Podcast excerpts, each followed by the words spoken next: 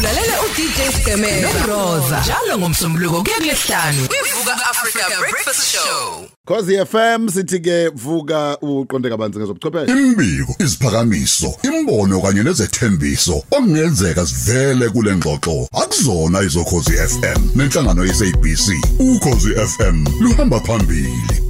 Khosi FM lohamba phambili singena kwingosi yethu la sithi khona vuka ke uqonde kabanzi ngezobuchwepheshe. Uyazi ke njalo makuyilelo suku suke khona ke umfowethu eh usiphumelele esesibheke naye ke eh, ungoti ke wazo ke ezobuchwepheshe nathi ke kukhosi FM namhlanje. Somelela sikubingelele mfokazondi sikwamukele kukhosi kuseni Eh, niyaphila bewungekho ngesonto elidlule ngisesudi Bekuzogqoka abasundi egoli. Ha ngiyeza impela ukuthi ubulibe lebotho Hayi mfethu phela ngithi bekithi nami bekinibamba ngobuchwepheshe ngithi ngidla ngapha. Ngilalele ngithi awu awuzo ziyasebenza lezi ingane. Ngibe ngisemgwaqeni kodwa. Ngizwa kahle. Otherwise right mfethu? Ngiyaphila njani? Hayi sikhona sikhona nathi. Eh mfethu sesiginile futhi saphinde sabuya. Ngifuna ke sibheke namhlanje kuthiwa ke inyunyane yabasebenzi eh, abakhiqiza ke impahla eh, zokugqoka i-Southern uh, noma i-Southern African Clothing and Textile Workers Union. Ithi ke ikhathazekile ngezitolo ke eh zase China eh eyisebenzisa ke uonline efana nabo Shein kanjalo ke oTemu abasetshenziswa ngabantu. Bathi uhulumeni ke kumele ke aguqule ke imithetho ethile kuze kubeke khona ke ne noma ke kubeke izinyana ukuthi abantu ke bakithi kube lula ukuthi ke nje bayisebenzise ke lezi zitolo bathenge kuzona.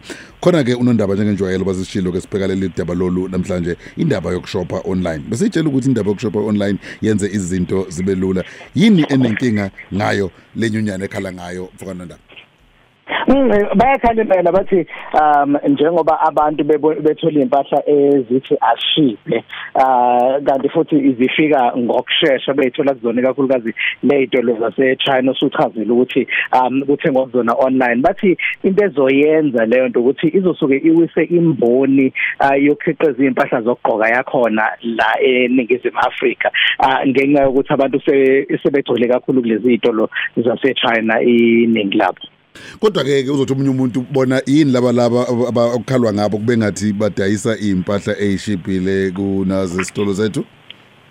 Um eh, okunye ke lokho ukuthi ngoba eh, lento akhalwa ngayo la eningizimu Afrika kuphela. Ah, naphesheya kwelwandle khona amazwe sekakhala ukuthi kwenzeka kanjani ukuthi la eh, lezi impahla zase China zikwazi ukukhiqizwa ngendlela yokuthi zishiphe kunempahla oyithola kwamanye amazwe.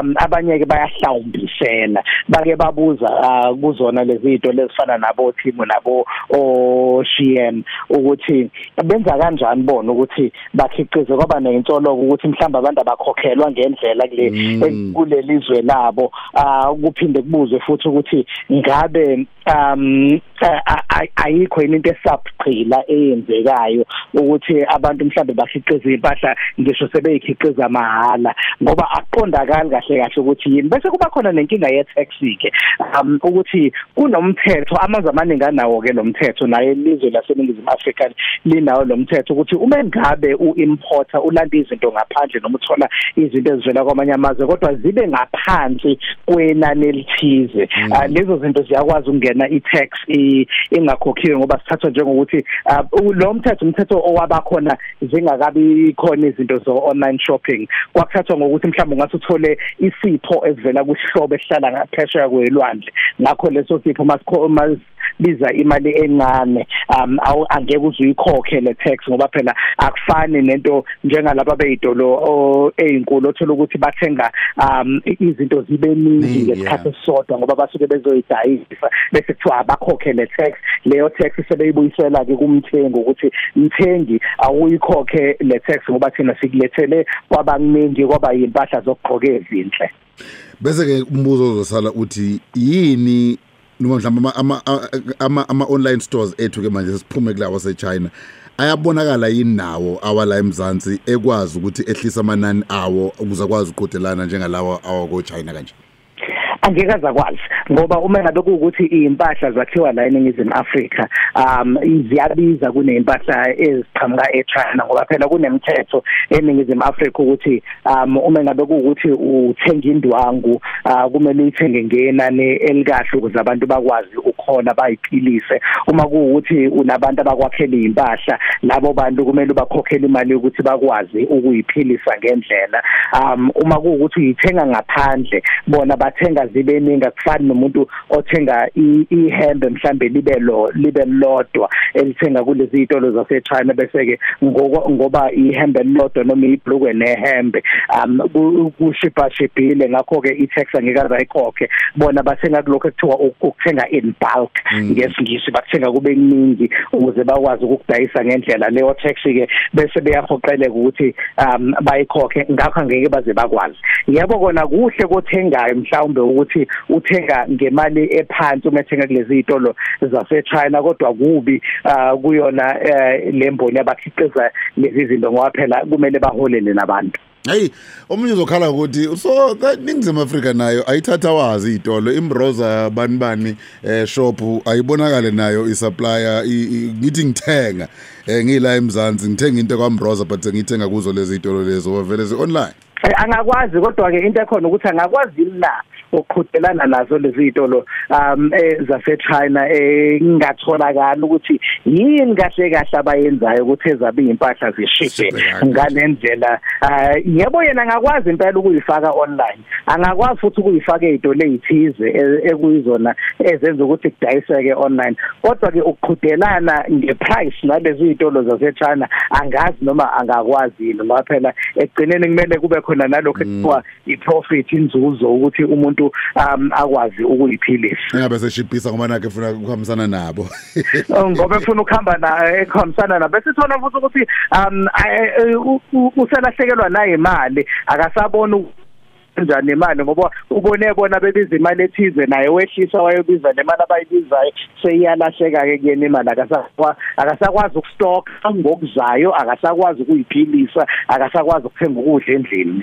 Imapha amanye amazwe akhala njengathi athi naye aseyibonile lenkinga ayizwe lasemelika liye lakhala ngoba nakhona banomthetho ukuthi uma ngabe uthola impahla eqhamuka emazweni angaphandle awu 800 dollars ngokwemali yakhona ngaba ukuthi kuba o 16000 rand ngokwemali yaseningizimu Afrika. Ukuthi uma ngabe uyithole ngaphandle into ibiza ngaphansi kwalelo nani awudingi ukuyikhokha le tax nakhona. Ngakho ke siyazi ukuthi impahla zokugqoka mawuzothenga okukodwa okubili okuthathu oku4 kushibhile angeke ufike kuleyo mali. Bake bakhala ke nabo ukuthi lezi zitolo ngathi impela ngoba khona futhi ungathi uTimu le app yase China ungathi iyona app edownloadwe ukudlula wonke ama app eAmerica ngonyaka odlule. Um ngoba ifike khona ngonyaka odlule eAmerica ifike eSouth Africa enyangeni ezimbili nje ezidlule um ithe ifika nje ngonyaka odlule abantu bathi hey le impahla shibhile babe beyidownloada ukudlula wonke ama app akhona. Kanti ke kuthoma kubhekwa inzuzo futhi enziwa inkampani efana nabo Shein um ekuthiwa inzuzo ecishe ilingane nenkampani ezinkulu nje impela ezikwazi ukuyithola la eningizimu Afrika abadayisa impahla zokugqoka khona la eningizimu Afrika nakwamanye amazwe omhlaba. Kuthiwa yona inzuzo abayenza hayi impela seyinkulu. Kodwa ke impica abadali kona lokho ukuthi yebo kushibhile siyazithanda impahla zabo siyazithenga kodwa benza ngani? Ayikho kamazwe omhlaba esekhala sekhona abakhalayo inyunyana nabanye ke abathi ake kubhekishiso ukuthi asikwazi ukuguquguqula imithetho ukuze ikhulume nesikhathi samanje lesikhathi sezobuchwepheshe sesenza izinto ngezobuchwepheshe nesikhathi sokuthenga izinto sekungakwazi ukuyithenga noma ngabe uyithenga kuphi emhlabeni jikelele uyithenga khona online ngoba imithetho esimdala le. Kanti ke njengoba sesisho ukuthi ubuchwepheshe buguquka nje ngendlela esheshayo ukuthi akhe kwakhiwe imithetho ke mhlambe ezobhekana nesikhathi sesiphila kusona. Ngicabanga nje ukuthi uzama unekhati open manje befanele avale. Senjani aqhubeke.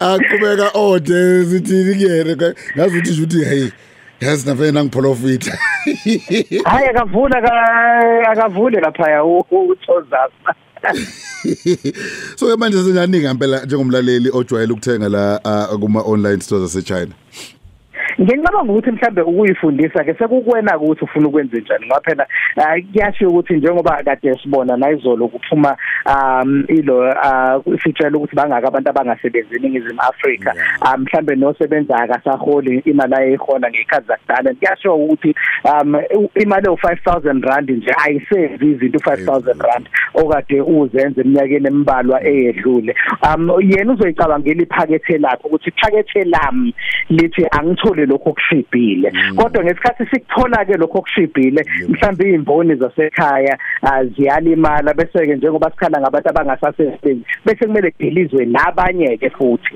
ngoba phela sesithenga ah, sesithenga ko China izinto ezakhiwa ko China sekumele kudilizwe nabanye. Kukuwena ukuthi uyayicabanga ucabanga kanjani ukuthi um, mhlambe uma ngabe iphakethe livuma ukuthi uyongena esitolo uthi hayi ukuthi abantu basekhaya baqhubeke baqashwe singayikuwisi izimboni zasekhaya noma ke mhlambe iphakethe malingavumi ke alivumi iphakethe phela.